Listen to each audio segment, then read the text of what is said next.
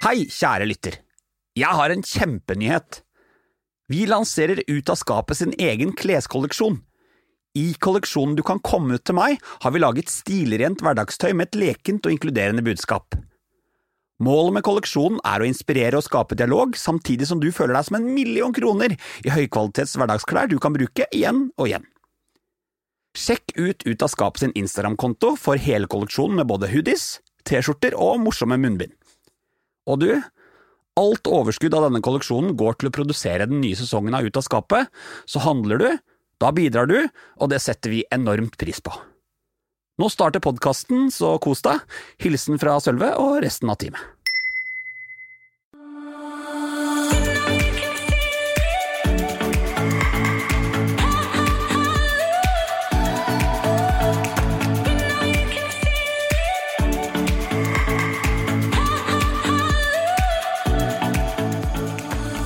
Hei, fine lytter. I dag treffer du Luka Espseth i Ut av skapet.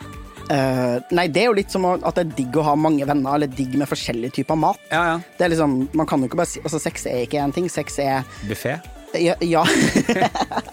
Nei, men sex er, i hvert fall for meg, da, så er sex både liksom umiddelbar tilfredsstillelse, men det er også uh, en artig sosial interaksjon, en bekreftelse på hvem jeg er. Det er utforskelse av følelser som, som ikke bare knytter seg til liksom genitaliene mine og liksom orgasme, men som også kan være liksom utforsking av skam, begjær, eh, smerte, eh, kjærlighet, nærhet. Bare liksom hvordan noen sin hånd føles annerledes på ryggen min enn noen andre sin. Jeg syns det er bare Det er artig å erfare. Luca er livets mann med en viktig stemme. Han er transaktivist, og han lever et liv litt utenfor det du kanskje ser på som normalt. I denne episoden snakker vi om det å komme ut i en verden som ikke er laget for deg. Vi snakker om både kjærlighet og diskriminering, og jeg får passet mitt påskrevet med skikkelig viktig og nyttig kunnskap. Det å få passet påskrevet det er viktig noen ganger, så jeg vil at du lytter litt ekstra nøye på denne episoden. Kos deg.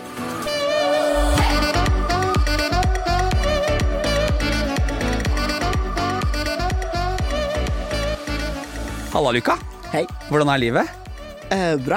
Hva har du gjort i dag? Jeg har vært på trening med PT-en min. Det var digg. Og ellers har jeg spist et speilegg og jobba litt. Så du har rukket å trene før podkastinnspilling. Ja. Er du sånn morgenfugl? Jeg er mer A-menneske enn B-menneske, ja. hvis jeg må velge mellom bare de to kategoriene. Nei, du kan, få være, du kan få være alt du vil i den podkasten her, men Å, har du noe preferanse? Nei, jeg er ganske glad altså, Jeg legger meg ofte før elleve og står gjerne opp. Altså, jeg liker vel å sove lenge, egentlig, for jeg legger meg elleve og liksom liker å stå opp åtte. Ja, altså, du kan, altså, du kan godt dra ni timers søvn. Ja. Men altså sånn, dette er, jeg har jo sagt det 10 000 ganger før, men det viktigste for god helse er nok søvn. Jeg er helt enig. Og trening. Så du er jo en liten helsepioner, du. Ja, det er sant. Nei, det er jeg ikke. Du, du er nødt til å fortelle meg litt hvem du var som kid. Uh, ja, jeg, var, jeg har- tenkt litt på det faktisk de siste dagene. Um, og uh, så har jeg alltid liksom tenkt ok, jeg var en veldig aktiv, utadvendt unge som var smart, men på en sånn oppsternasig, regelbrytende måte. Som cirka er det folk gjetter på når de ser meg som voksen, er at jeg var, ja, jeg var akkurat det barnet man skulle forvente at jeg var. Men så innser jeg i det siste, så har jeg tenkt litt, ja, det har nok hatt større betydning for hvem jeg har blitt enn det jeg har tenkt før. Altså det at jeg er trans, da, tror jeg har vært veldig Det har nok påvirka hvordan jeg var som barn, litt mer enn jeg har vært klar over. Eh, og det har nok også gjort at jeg liksom Ja, ikke har hatt helt de samme mulighetene, egentlig, som andre folk. Var det jeg konkluderte med. Du, jeg sitter der, og jeg har absolutt ingen peiling på hvordan det er å vokse opp som trans. Hva, hvordan er det?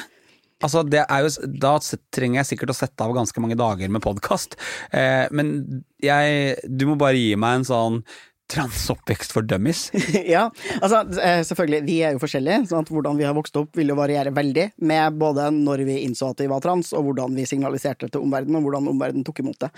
Jeg, hadde ikke noen sånn klar idé om å være trans da jeg var liten, men jeg hadde en veldig klar idé om at jeg ikke passa sammen med jentene. Og ikke fordi jeg er så utrolig maskulin, for det er jeg ikke nødvendigvis, men bare sånn her Jeg følte meg ekstremt annerledes på det punktet hvor jeg liksom ble helt sånn annerledesgjort, og ikke klart å forholde meg til ganske mange normer, da. Sånn regler for hvordan man skal sitte stille og lære ting, og jeg var veldig sint, og sur på verden, fordi jeg følte at det hadde skjedd et sånt, sånn urettferdig utgangspunkt som jeg ikke helt klarte å sette ordet på.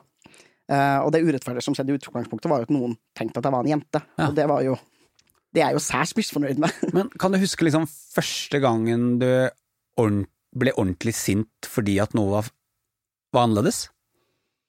Kan du liksom tenke tilbake på, eller en periode hvor du kjente at nå er det Det er noe som ikke er som det skal? Jeg tenker at jeg alltid har vært veldig sint på de menneskene som har korrigert atferden min, eh, eller som har gitt meg masse skryt når jeg har gjort ting som ikke har føltes bra for meg. Jeg kan både huske liksom folk som har vært sånn her Er du gutt eller jente? Sånn hele tida få det spørsmålet, men også hvor mye ros og skryt jeg fikk når jeg gjorde noe feminint, og hvor ubehagelig den formen for femininitet føltes for meg. da Hvor, hvor mye det føltes som at jeg spilte og hadde det helt jævlig inni meg, og så var det det jeg skulle få skryt for. Og det er jo en sånn grunnleggende måte å ikke bli sett som menneske, da, som jeg tror er ganske eh, i hvert fall formgivende, om ikke skadelig. Ja, altså er det vel sånn man får jo servert standarden for det man skal være ganske tidlig. Ja. Overalt. Og ehm, for meg så funka det bra, for jeg passa inn i den standarden jeg, når jeg var kid. Det var liksom ålreit. Det tok litt tid før jeg skjønte at jeg var skeiv. Men hvordan er det å stå der og overhodet ikke liksom kjenne at det som er forventa, funker for deg? Nei, altså, vi, vi tilpasser oss jo, og alle mennesker er jo mangefasettert, da, skulle du si. Det ja. det? Altså, Ja, ja. Alle mennesker er sammensatt, og sånn at noen deler har jo alltid passa inn, og man kan jo alltid dyrke de talentene og mulighetene og ferdighetene man har, og det fikk jeg jo for så vidt gjort, så jeg fant jo en slags plass i verden som litt sånn normbrytende. Jeg, har nok tidlig fått en liksom, identitet og en trygghet, da, og, og tenkt at det er ganske kult å være annerledes enn det som er forventa. Hvordan, hvordan kommer du dit? For det er jo litt Jeg antar at du kanskje måtte gjøre det ganske tidlig. Og hvordan kommer du dit at du tør å stå i det? For når man, når man er liten, og for så vidt når man er ungdom, så vil man jo egentlig veldig ofte bare passe inn. Ja, det er vel komboen av om du har noe valg eller ikke, da. Ja, ja. Altså kombinasjonen av liksom, er det helt tatt mulig for deg å klare å passe inn, og hvis du, hvis, du ikke, hvis du ikke får det til, så er det jo ikke noe vits. Altså, du kan jo prøve da, at krampa tar deg, men du blir jo miserable av det. Jeg skjønner. Um, men jeg, jeg har nok også fått Jeg er velsigna med god selvtillit, da, og har også hatt liksom en mor som har fortalt meg at jeg er fin og bra sånn som jeg er, og som har lært meg at det er lov å si fra når du syns at verden er urettferdig. Hvor viktig er det en, en, Hvor viktig var det for deg å ha en mamma som lærte deg de tingene her? Det tenker jeg jo har vært ekstremt viktig for meg. Jeg er, jeg er veldig Ja, jeg, jeg har en enorm respekt for min mor, eh, som stort sett har oppdratt meg og mine brødre alene, og som har eh, stått på og vist meg også vist meg at kvinner kan gjøre veldig mange forskjellige ting, som jo var en verdi i den tida av livet mitt jeg på en måte levde som jente eller kvinne i verden. Eh, og så har jeg, jeg tror den her gode selvtilliten min og troa på at jeg har verdi, da, eh, må jeg jo ha fått fra hun, tenker jeg. Den, den grunnleggende tanken om at jeg har faktisk rett på akkurat like eh, muligheter som alle de andre menneskene. Da. At jeg ikke har fortjent å få noe skit bare fordi jeg er den jeg er. Og det er jeg sånn hellig overbevist om, så jeg har aldri liksom tenkt at jeg ikke fortjener akkurat det samme som alle andre. Og akkurat det du sier der, er jo en veldig stor del av deg i dag også. Ja. Du er jo akkurat like opp, eh, du er vel enda mer opptatt av det nå enn du var, kanskje. Altså, du var opptatt av det før, men nå er det jo Du lever og ånder det. Ja, det er sant. Er du enig i det? Ja, altså, jeg, jeg har jo blitt en sånn veldig sånn transperson, eh, som har gjort mye trans i media, og som jobber med det, og liksom har skrevet mastergrad om det, og Så når folk inviterer meg til å prate i paneler, eller jeg skriver tekster og sånn, så er det alltid om trans. Men, eh, men jeg er også skeiv på andre måter. Jeg er eh, bifil, eh, eller panfil, spiller ingen rolle for meg hva du kaller det. Hva er forskjellen? Det er egentlig ingen Hovedforskjellen er generasjonsforskjeller, men bifil har ofte blitt brukt om det å like både kvinner og menn, mens panfil er brukt som et mer inkluderende begrep, hvor man liksom tenker at det finnes mer enn to kjønn. Men, men det finnes mennesker som både kaller seg bi og pan, som bryr seg mer eller mindre om kjønn, og som forelsker seg i mer enn ett kjønn. Jeg skjønner. Ja. Um, ja, og så er jeg poli og eh, kinky. Ja ja, men nå, altså nå, jeg tror alle som hører denne podkasten her, kan eh, klare å relatere til eh, De kan relatere til bifil, for det er noe vi har kjent, og de kan relatere til kinky, for det kan vi alle være en gang iblant. Noen i mer eller mindre grad, men poli, hva er poli? Nei, det er jo en samlebetegnelse for alle mennesker som ikke driver med liksom strictly monogami, da. Og det er jo monogami, jeg regner med de fleste har hørt om. Det er den her ideen om at vi skal være sammen med én person, og da skal vi bare flørte med, kysse med og kline med og være forelska i den. En ting som er helt sikkert, det er at det der skal vi komme tilbake litt senere i denne episoden her. For jeg har jeg, I've got questions, ok? ja, det er greit. Du, du øh, vokser opp. Hvordan opplevde du ungdomsårene og tenårene? Jeg er Jeg er litt usikker. Altså, det er noe med Det har jeg snakka om noen ganger før, at jeg syns det er litt vanskelig å skulle fortelle en sånn sammenhengende historie om eget liv, for det vil variere litt sånn Dem som spør hvor trygg eller utrygg jeg føler meg i situasjonen, hva jeg tenker at det er liksom fokus for det vi spør om. Men jeg syns tenåra var ganske jævlig, mm. og jeg er egentlig ikke helt sikker på om jeg syns de var jævligere enn det som er vanlig for en tenåring. Jeg hadde nok egentlig, hvis man liksom tenker på Ganske mye transfolk blir jo ganske det man kaller dysforisk, altså opplever mye ubehag knytta til kroppen sin i puberteten, fordi den gjør ting som er helt motsatt av det du vil at den skal gjøre. Uh, men jeg hadde en litt sånn ja, ikke så veldig typisk pubertet, på en måte. Jeg fikk uh, Altså, det skjedde veldig lite. Jeg fikk aldri noe særlig pupper, jeg fikk ikke hofta, jeg vokste ingenting. og så, ja, jeg fikk mensen, da. Det var jo dølt. ja. ja. det var jo Ja, altså, jeg, nå holdt jeg på å si det kan jeg forstå, men det forstår jeg ikke en dritt av, for å være helt ærlig. Nei, men det er jo ikke noe gøy å blø fra tissen. Nei. Uh, og så når det i tillegg kommer med noen sånne forventninger om at det er noe kvinnelig og feminint med det, så er ikke det sånn kjempeartig. Kan du huske første gang du tenkte at du var skeiv? Eller bi? Uh, jeg husker første gang jeg ble forelska, uh, og da var jeg 13 år og ble veldig forelska i ei jente i klassen min som het Marte.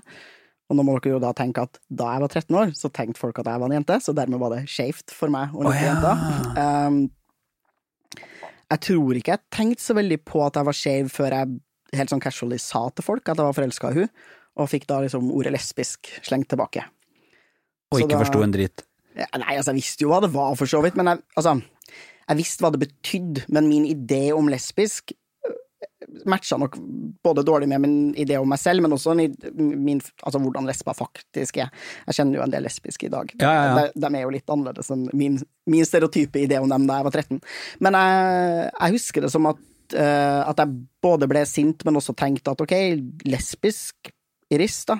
Uh, la oss prøve det. Og lesbisk er jo på en måte uh, en kategori som tillot meg å drite litt i, hvorvidt heteroseksuelle gutter syntes jeg var tiltrekkende, ja. og få lov til å være litt mer maskulin. Og, og, også få lov til å liksom legge an på damer, da. Og det hadde jeg etter moment veldig lyst til. Ja. Hvordan var den første forelskelsen? Nei, den var jo helt jævlig, da. Eller altså Nei, jeg syns jeg, hus jeg husker at det var liksom fint, men jeg er jo en Jeg klarer jo ikke å holde ting inni meg, så jeg husker at jeg liksom bare gikk og sa det her til folk, og det var jo i seg selv liksom, sosialt selvmord å gå rundt og fortelle til alle hvem du er forelska i, og så når du i tillegg da på en måte kommer ut av et skap jeg ikke visste at eksisterte, eller som jeg ikke visste at jeg var i. Som du var plassert i? Ja, så var jo det Det var nok ikke det lureste. Jeg tror nok, ja.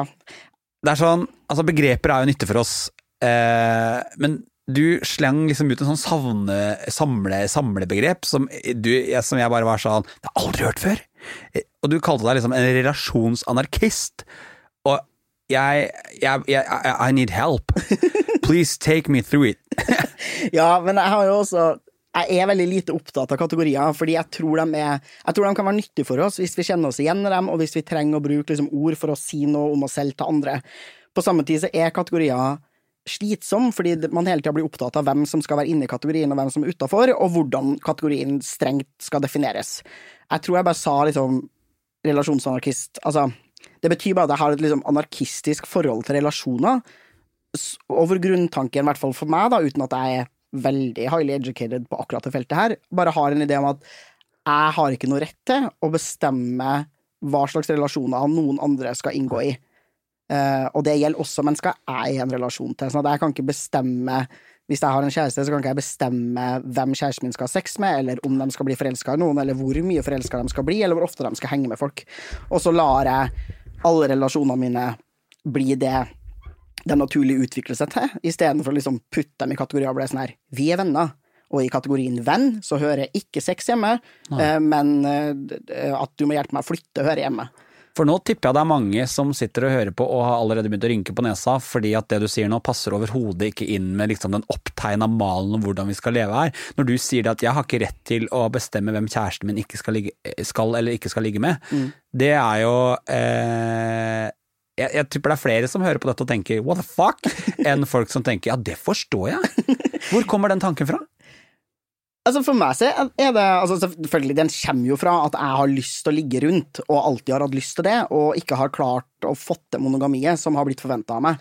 Men når jeg liksom har tenkt mer på det, så føler jeg også at jeg mener at jeg moralsk sett ikke har helt Det er ikke naturlig krav jeg har lov til å stille til andre mennesker. Uh, og så er det veldig slitsomt med alle de grensene man liksom skal drive og tegne opp, da, hvor det er sånn her, ok, du får ikke lov til å flørte med andre. Hva er flørting? Eller at folk kan si sånn herre uh, Ja, det er greit hvis du flørter med andre og liksom er litt sånn betatt og sånn, men du kan ikke kline. Og så blir jeg sånn, nei, ok, for hva er det, hva er det klininga gjør, som gjør det liksom helt vesensforskjellig fra noe annet? Og det jeg tenker at eventuelt, altså Det eneste jeg går med på at gjør det vesensforskjellig, er hvis man har hatt en avtale, og den avtalen blir brutt, så forstår jeg at det bruddet i seg selv representerer et svik uh, for folk. Men jeg tenker liksom ja, Du har lov til å forvente ting i relasjoner. Jeg forventer at samboeren min tar oppvasken innimellom. Uh, og så forventer jeg at hun sier fra hvor hun er, og sånne type ting. Men det er også helt greit hvis du ikke tar oppvasken en dag, liksom. Som, altså, jeg sånn, det er også helt greit hvis du bare kliner med noen på byen en kveld. Det er veldig dramatisk, da tenker jeg, hvis jeg skulle hvis samboeren min klina med noen på byen, skal jeg vært sånn Å, herregud, nå må vi selge huset vårt og gjøre det slutt, og vi skal ha null felles venner, og jeg skal ikke ha noen kontakt med din familie, og dine venner og dine venner og mine venner og mine venner, og vi må dele senga i to med øks. Og jeg blir sånn her Herregud, så dramatisk konsekvens for å ha klina med noen. Ja, altså tillegg hvor mye vondt du skal ha inni deg. Ja. Altså du skal gå og hate. Det er jo det verste. Mm. Ja, jeg, jeg, det er veldig, jeg synes det er veldig sånn Jeg synes det er så fascinerende å høre det her. Eh, og, så, eh, så lurer jeg på liksom Hvorfor er det digg å kunne ligge med mange? Uh, nei, det er jo litt som at det er digg å ha mange venner, eller digg med forskjellige typer mat. Ja, ja. Det er liksom, man kan jo ikke bare si Altså, sex er ikke én ting, sex er Buffé? Ja. ja. Nei, men sex er, i hvert fall for meg, da, så er sex både liksom umiddelbar tilfredsstillelse, men det er også eh, en artig sosial interaksjon, en bekreftelse på hvem jeg er, det er utforskelse av følelser som, som ikke bare knytter seg til liksom genitaliene mine og liksom orgasme, men som også kan være liksom utforsking av skam, begjær, eh, smerte, eh, kjærlighet, nærhet, bare liksom hvordan noen sin hånd føles annerledes på ryggen min enn noen andre sin. Jeg syns det er bare Det er artig å erfare og oppleve, liksom. Tror du at vi har lagt litt for mange forventninger på hva sex skal være, skal være i et forhold? Det var et veldig ledende spørsmål, og svaret er ja.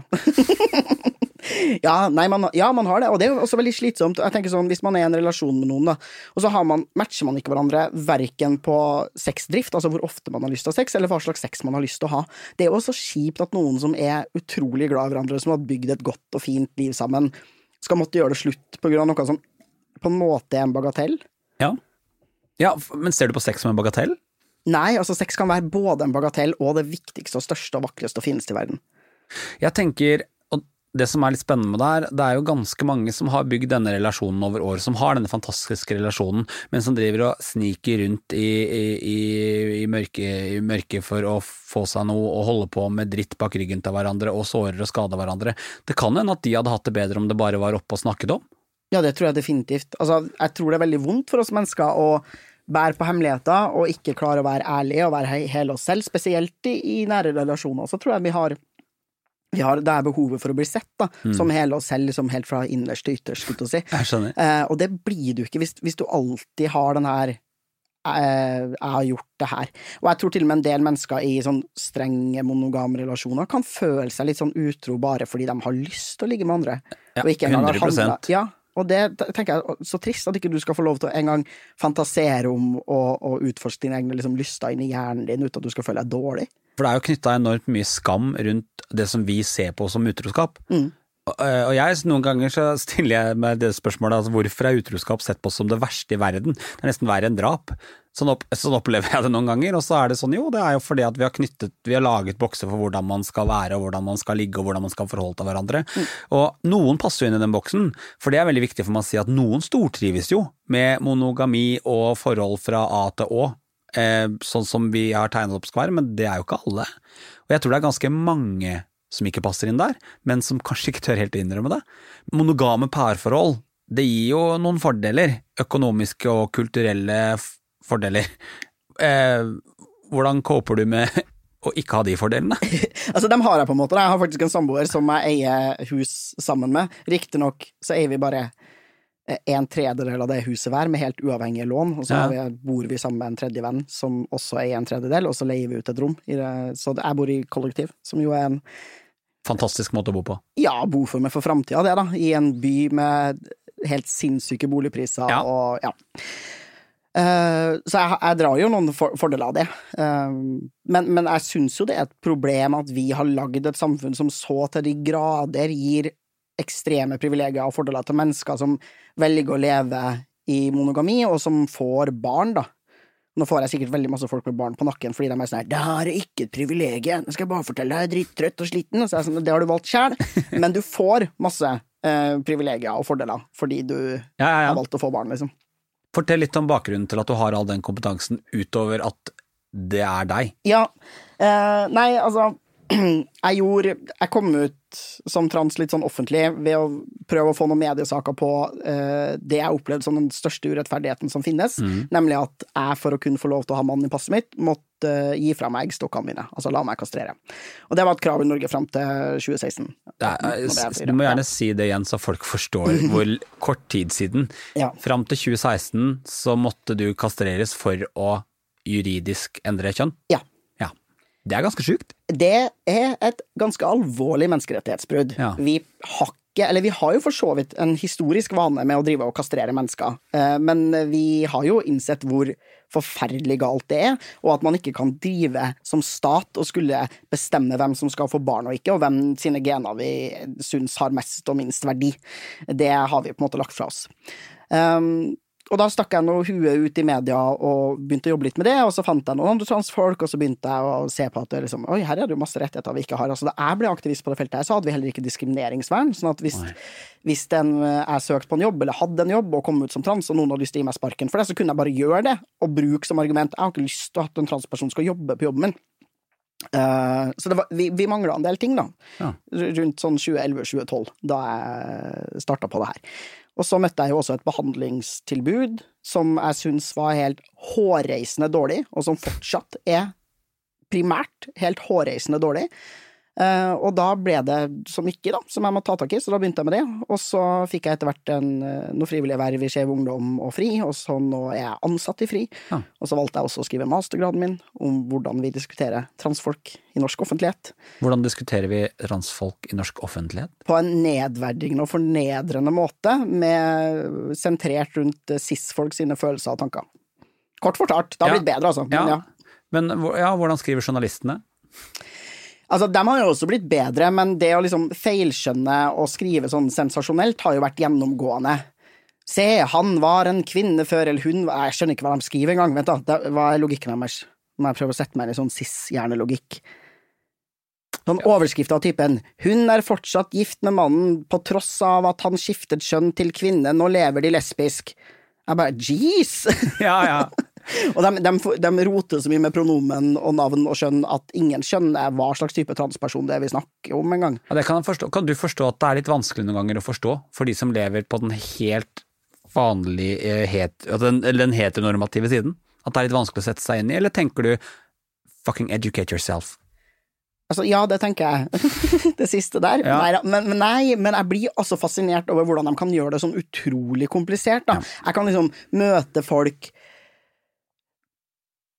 jeg kan sitte på Grinder og liksom trykke på en fyr og si sånn herre Hei, er du Hva er du liksom Hva er du på utkikk etter? Ja, ja. Og så spør han sånn her Er ikke du trans? Og så er jeg sånn Jo, det er jeg. Av typen sånn her Jeg er en mann, men jeg ble registrert som kvinne ved fødsel. Og han bare Men hvorfor ligger du med menn, da? Og så er jeg sånn her Men jeez, du ligger jo også med menn! Det er jo ikke sånn at du slutter å være mann fordi du ligger med menn.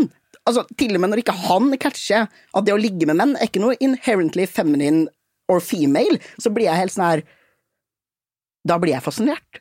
Ja. Jeg, Ja, ja. jeg syns det er dem som gjør det komplisert, det er ikke meg. Ja, og, og, og derfor, og det som jeg opplever noen ganger, da, som jeg syns kan være vanskelig fra et perspektiv hvor du står helt på utsiden av spesielt transdebatten, det er at hvis, og det er reality, hvis jeg bommer, så, så får jeg en kraftsalve som gjør at jeg f- føler meg helt ubetydelig og blir livredd for å henvende meg igjen. Det, det kan jeg kjenne på noen ganger. Og så er det viktig å skjønne at det jeg gjør ved å eksempel feilkjønne, da, det skjer altfor ofte hele tiden, og det skjer, skjer både med eh, identitet og eh, uttrykk, og det skjer med le legning og hele og full pakka og person. Men jeg, noen ganger så skulle jeg bare ønske at man tok kanskje Det hadde vært lettere hvis man bare sa sånn eh, Det du sier der, det er feil. Og her er hvorfor.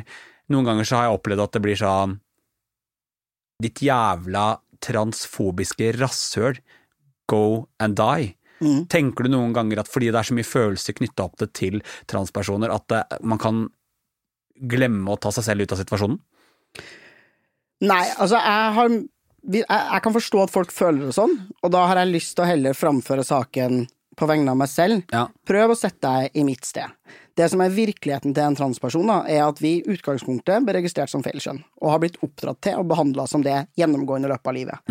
Vi har blitt stilt spørsmål om hvilket kjønn vi er 200 milliarder ganger, og det er ikke en overdrivelse engang.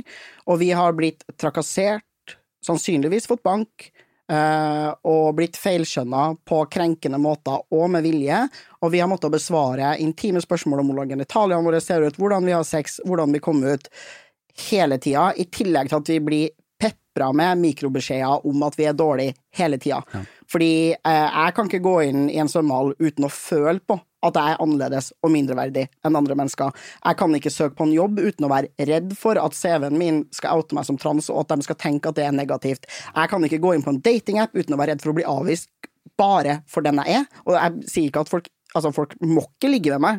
For guds skyld, la være, men det er noe med måten man avviser mennesker på. Ja, ja. Og den totalbelastninga, da, i livet til de enkeltindividene det er, gjør at jeg syns at det faktisk er urimelig å kreve at alle vi, alltid, samme om vi har en skitt i dag, samme om vi nettopp har gått gjennom et samlivsbrudd eller mista jobben i går, skal ta en sånn her nå skal jeg ta vare på følelsene dine, for jeg vil ikke at du skal få et negativt inntrykk av min minoritet, så nå skal jeg veldig høflig og rolig forklare deg hvorfor det du sa var støtende og feil, eh, og så skal det gå bra. For erfaringa er jo, altså, for det første, det er ikke vårt ansvar. Veldig fint hvis noen orker. Alle dager kan ikke du ta den kampen. Men du tar også utgangspunkt i at den personen som skal ta imot den min pedagogiske og hyggelige beskjed, Ja. faktisk tar imot. Ja. Min erfaring er jo at jeg har mange ganger høflig forklart folk mennesker det der syns jeg er kjipt at du spør om, og nå skal jeg forklare deg hvorfor. Og så sier folk nei, jeg er ikke enig. Eh, nå syns jeg du er vanskelig, selv om jeg ikke har vært vanskelig, fordi folk har en tendens til å synes at det er veldig vondt å bli arrestert på ting, samme hvor høflig og hyggelig vi arresterer folk på ting. Ja. Og jeg blir litt sånn derre jeg forstår at den følelsen er vond. Jeg får den samme følelsen altså, eh, i liksom den rasismedebatten som har vært i det siste. da. Jeg er hvit, liksom. Jeg har utsatt folk for rasisme, jeg bærer på rasistiske holdninger, eh, og det gjør vondt når folk arresterer meg for å ha vært rasistisk. Men det å bli arrestert for å ha vært rasistisk, den smerten, er ingenting sammenlignet med smerten som medfører å bli utsatt for rasisme. Nei.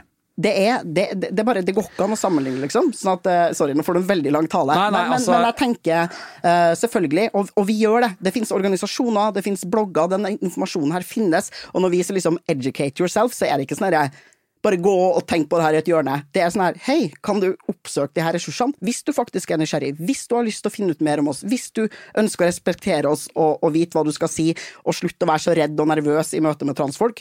Vi har skrevet bøker og blogger og podkaster. Det fins der ute, liksom.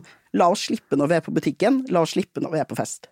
Ja, altså det er eh, eh, Om jeg skal bruke et forsiktig ord, eh, et jævlig godt svar.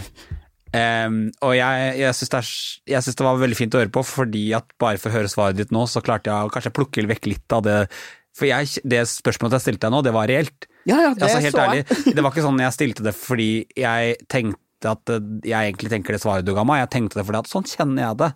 Jeg er livredd, eh, og, og de gangene man blir arrestert, så kjenner jeg jo at jeg bare Jeg blir sint. Jeg blir ordentlig sint. Du tok meg på noe som jeg egentlig vet at jeg ikke burde gjøre. Mm. jeg blir jo egentlig bare Det er som å på en måte når du vet at du har gjort en dårlig jobb, men tror det går bra, og så får du eh, døra i trynet på vei ut fordi at du har gjort en dårlig jobb, og det gjør jo vondt. Og det er sånn det er. Nei, jeg, å, jeg elsker det svaret. Jeg bare, jeg, du skal ikke unnskylde at du blir engasjert i det svaret, fordi at det er sånn spol tilbake og hør den talen en gang til. Det var ti av ti nå, og det er en liten sånn deilig åpenbaring. Jeg elsker å få det i podkast. Men vi må Ja. gå videre. Ja. Fordi du snakker om kjønn, Ja. og du sier til meg at kjønn er en sosial konstruksjon. Mm. Og nå vil jeg bare Hva legger du i det?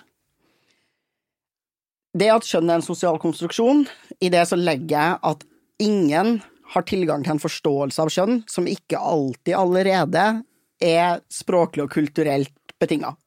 Eh, Jeg kan ikke tenke helt nøytralt rundt hva en penis er, fordi jeg allerede har masse ideer om hva en penis er, og hva den symboliserer. Jeg kan ikke si ordet mann uten at det også medfører masse forventninger til atferd, utseende, alle de tingene her. Sånn at, eh, ja. Og, og alle våre ideer om kjønn er skapt gjennom måten vi snakker om kjønn på, og måten vi gjør det til et faktisk system, eh, og det endrer seg. Ja. Over tid og sted, og Hvorfor ønske hva, hva, hva skiller legning og kjønnsidentitet? det er mange ting som skiller det. Altså, kjønnsidentitet handler om altså, din følelse av hvem du er eh, som menneske. Eh, mens legning, da, eller seksuell orientering, eller kall det hva du vil, handler jo om hvem det er du forelsker deg i, og hvem du har lyst til å ligge med, og hvem du eventuelt har lyst til å gjøre begge deler med. Og det går jo ikke alltid hånd i hånd. Eller gjør det det? At det går hånd i hånd? Ja. det fins ikke noe hånd i hånd. Nei? Nei? Nei, altså sånn eh, det, det er to helt uavhengige størrelser. Så du kan være et hvilket som helst kjønn, og så kan du forelske deg i hvilket som helst annet kjønn. Og så har jo vi lagd et litt sånn rart system, hvor jeg tenker sånn, for eksempel, hvis en mann da forelsker seg i andre menn, så betegner vi den aktiviteten som homo. Men hvis det er en dame som forelsker seg i den samme mannen, så kaller vi det hetero. Eh, De to menneskene gjør jo egentlig akkurat det samme, de forelsker seg, men vi kunne ha kalt dem liksom mannelikere. Eh, Men istedenfor så heter den ene homo, den andre hetero. Og, og vi har forskjellige ord på det, avhengig av hvem det er, altså kjønnet til den som utfører aktiviteten. Og det er her kjønn og seksualitet på en måte henger sammen, men de er to helt uavhengige størrelser. Ja, jeg, jeg forstår. Jeg forstår veldig godt hva du mener. Det er sånn, jeg bare Jeg tror jeg noen ganger ikke har Jeg har ikke liksom tenkt over at jeg må skille de to tingene. Skjønner? Jeg vet ikke hvor det kommer fra, det er vanskelig å be deg skjønne hva du mener, du som er såpass opplyst på akkurat dette her, men jeg bare tenker at når jeg fikk det spørsmålet i går, så tenkte jeg Er ikke det det samme? Tenkte jeg litt sånn, er ikke, er ikke, sorry, men er ikke det omtrent det samme ish? Og så er det jo veldig stor forskjell på det. Så er det sånn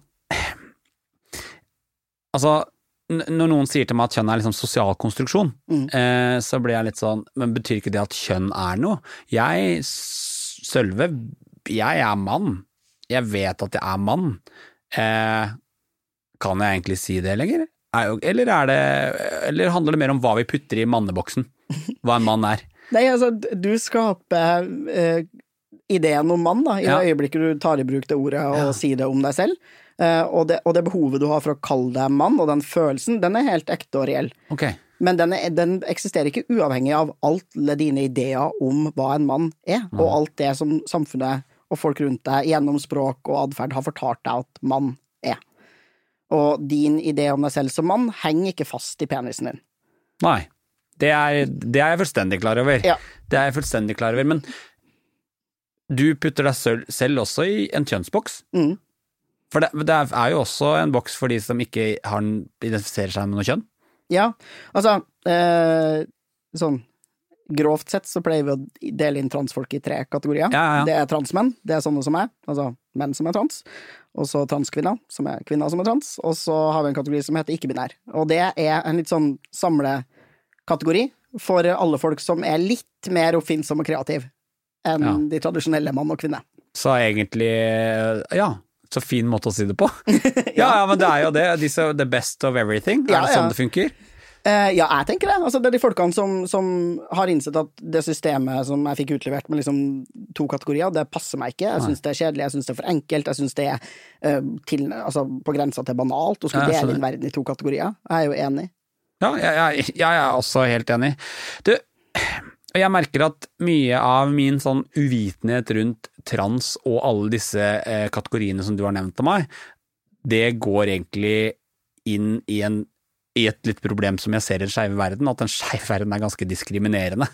Eh, og mye av liksom de holdningene jeg har, eller sitter med, eller oppfattelsene jeg har, de kommer fra manglende interesse for hva som skjer i, i, i verdenen vår. Hvorfor er det sånn at den skeive verdenen ofte er så Er det lov å si at den er litt transfobisk?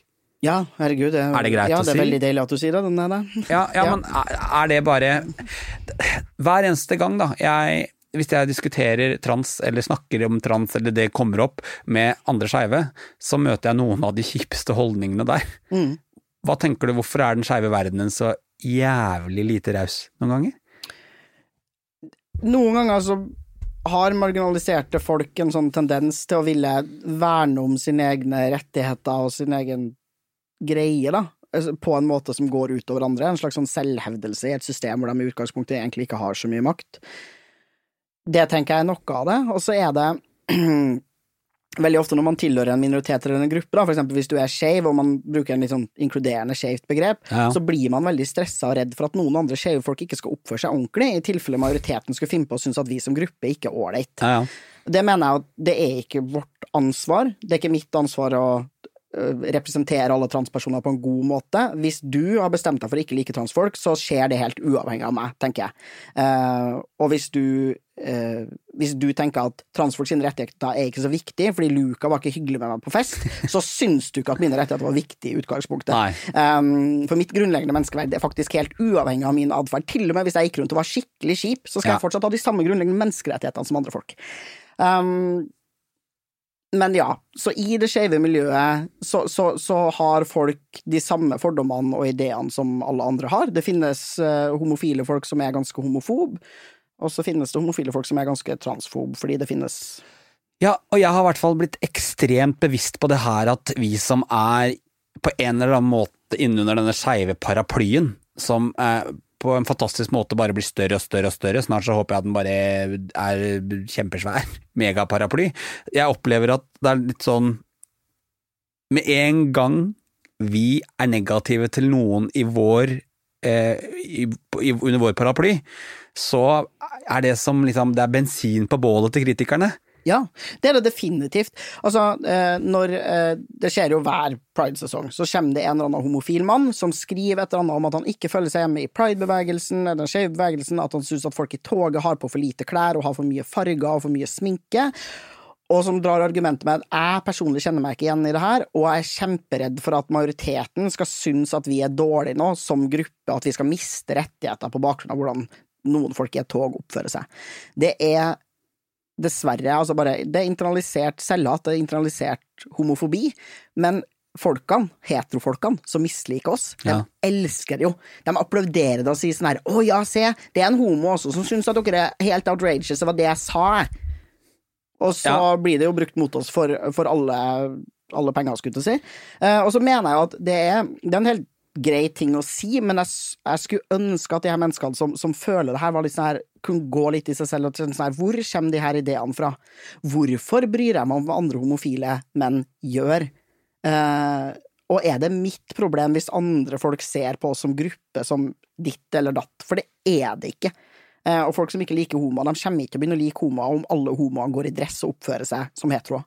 Nei, De liker ikke homoer, punktum. Nei, og, men det er så rart det der. Det er ikke så veldig lenge siden, det er bare noen uker siden, så skulle jeg på en fest eh, til en bekjent, eh, hvor hennes kjæreste da eh, sa at han syntes det var så godt med meg på den festen, han visste at jeg var homo, men jeg så så hetero ut, oppførte meg så hetero, så han var liksom komfortabel med at jeg var der.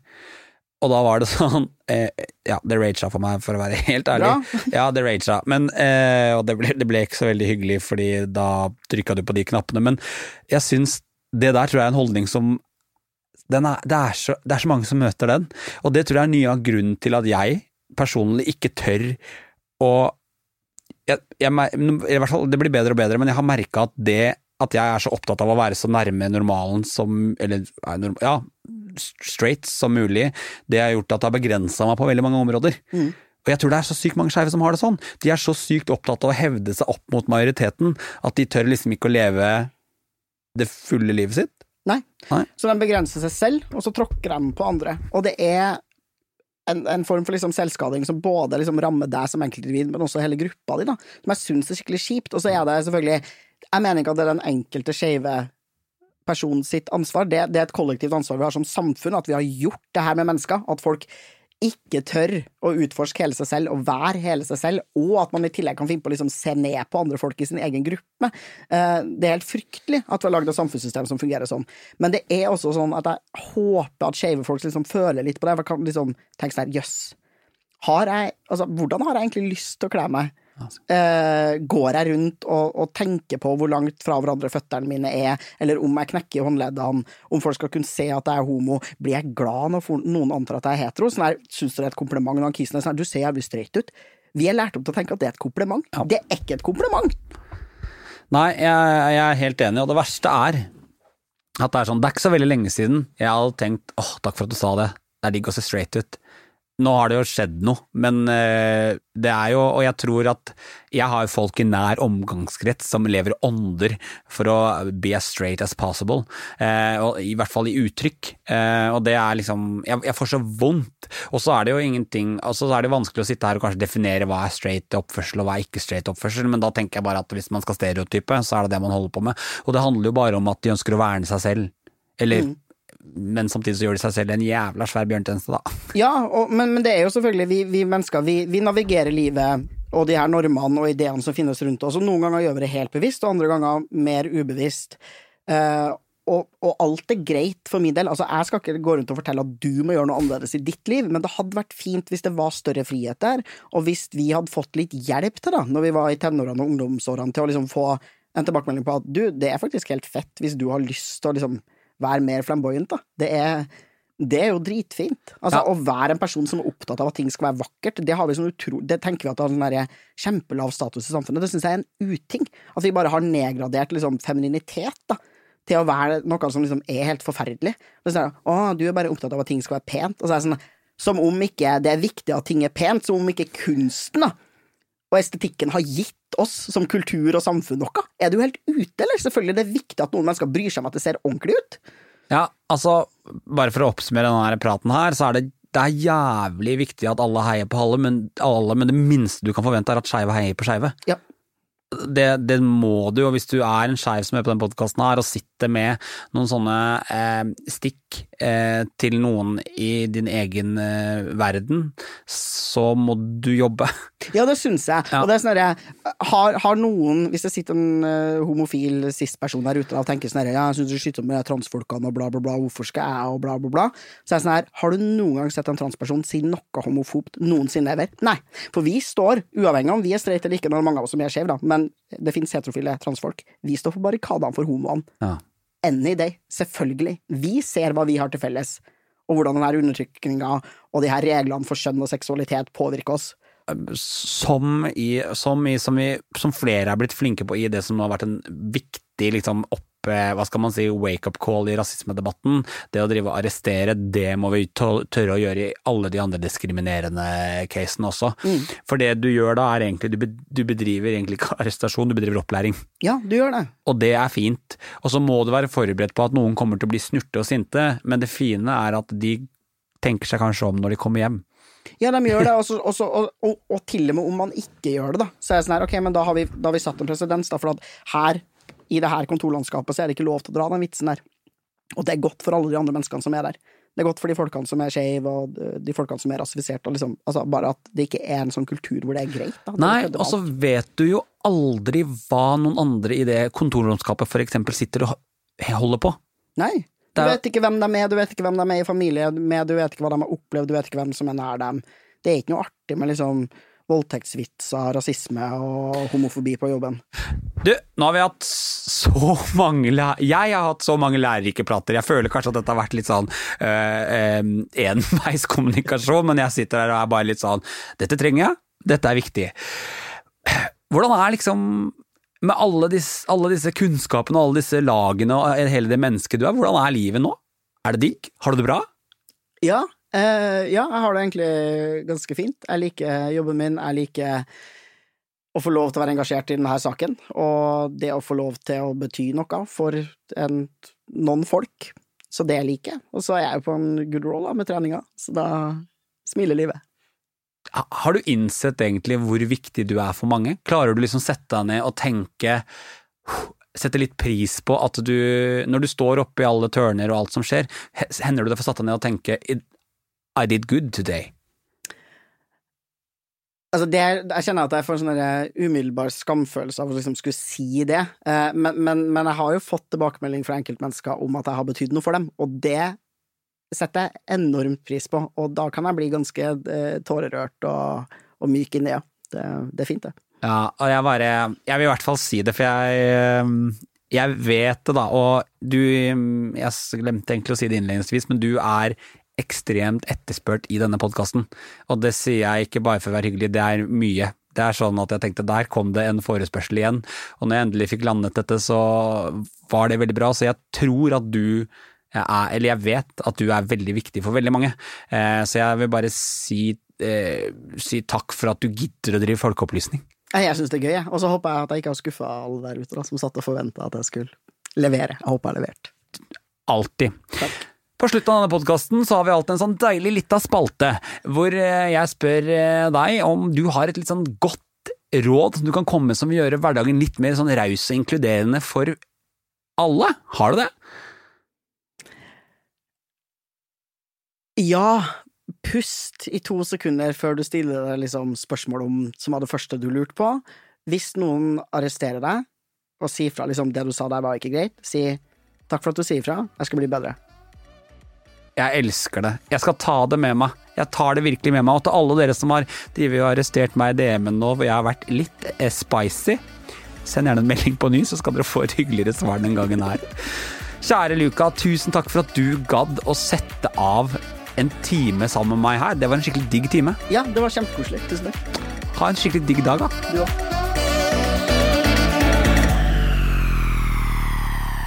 Takk for at du hører på podkasten Ut av skapet. Det betyr mye for mange. Informasjon om dagens gjest finner du i episodebeskrivelsen, sjekk alltid ut fine folk på sosiale medier.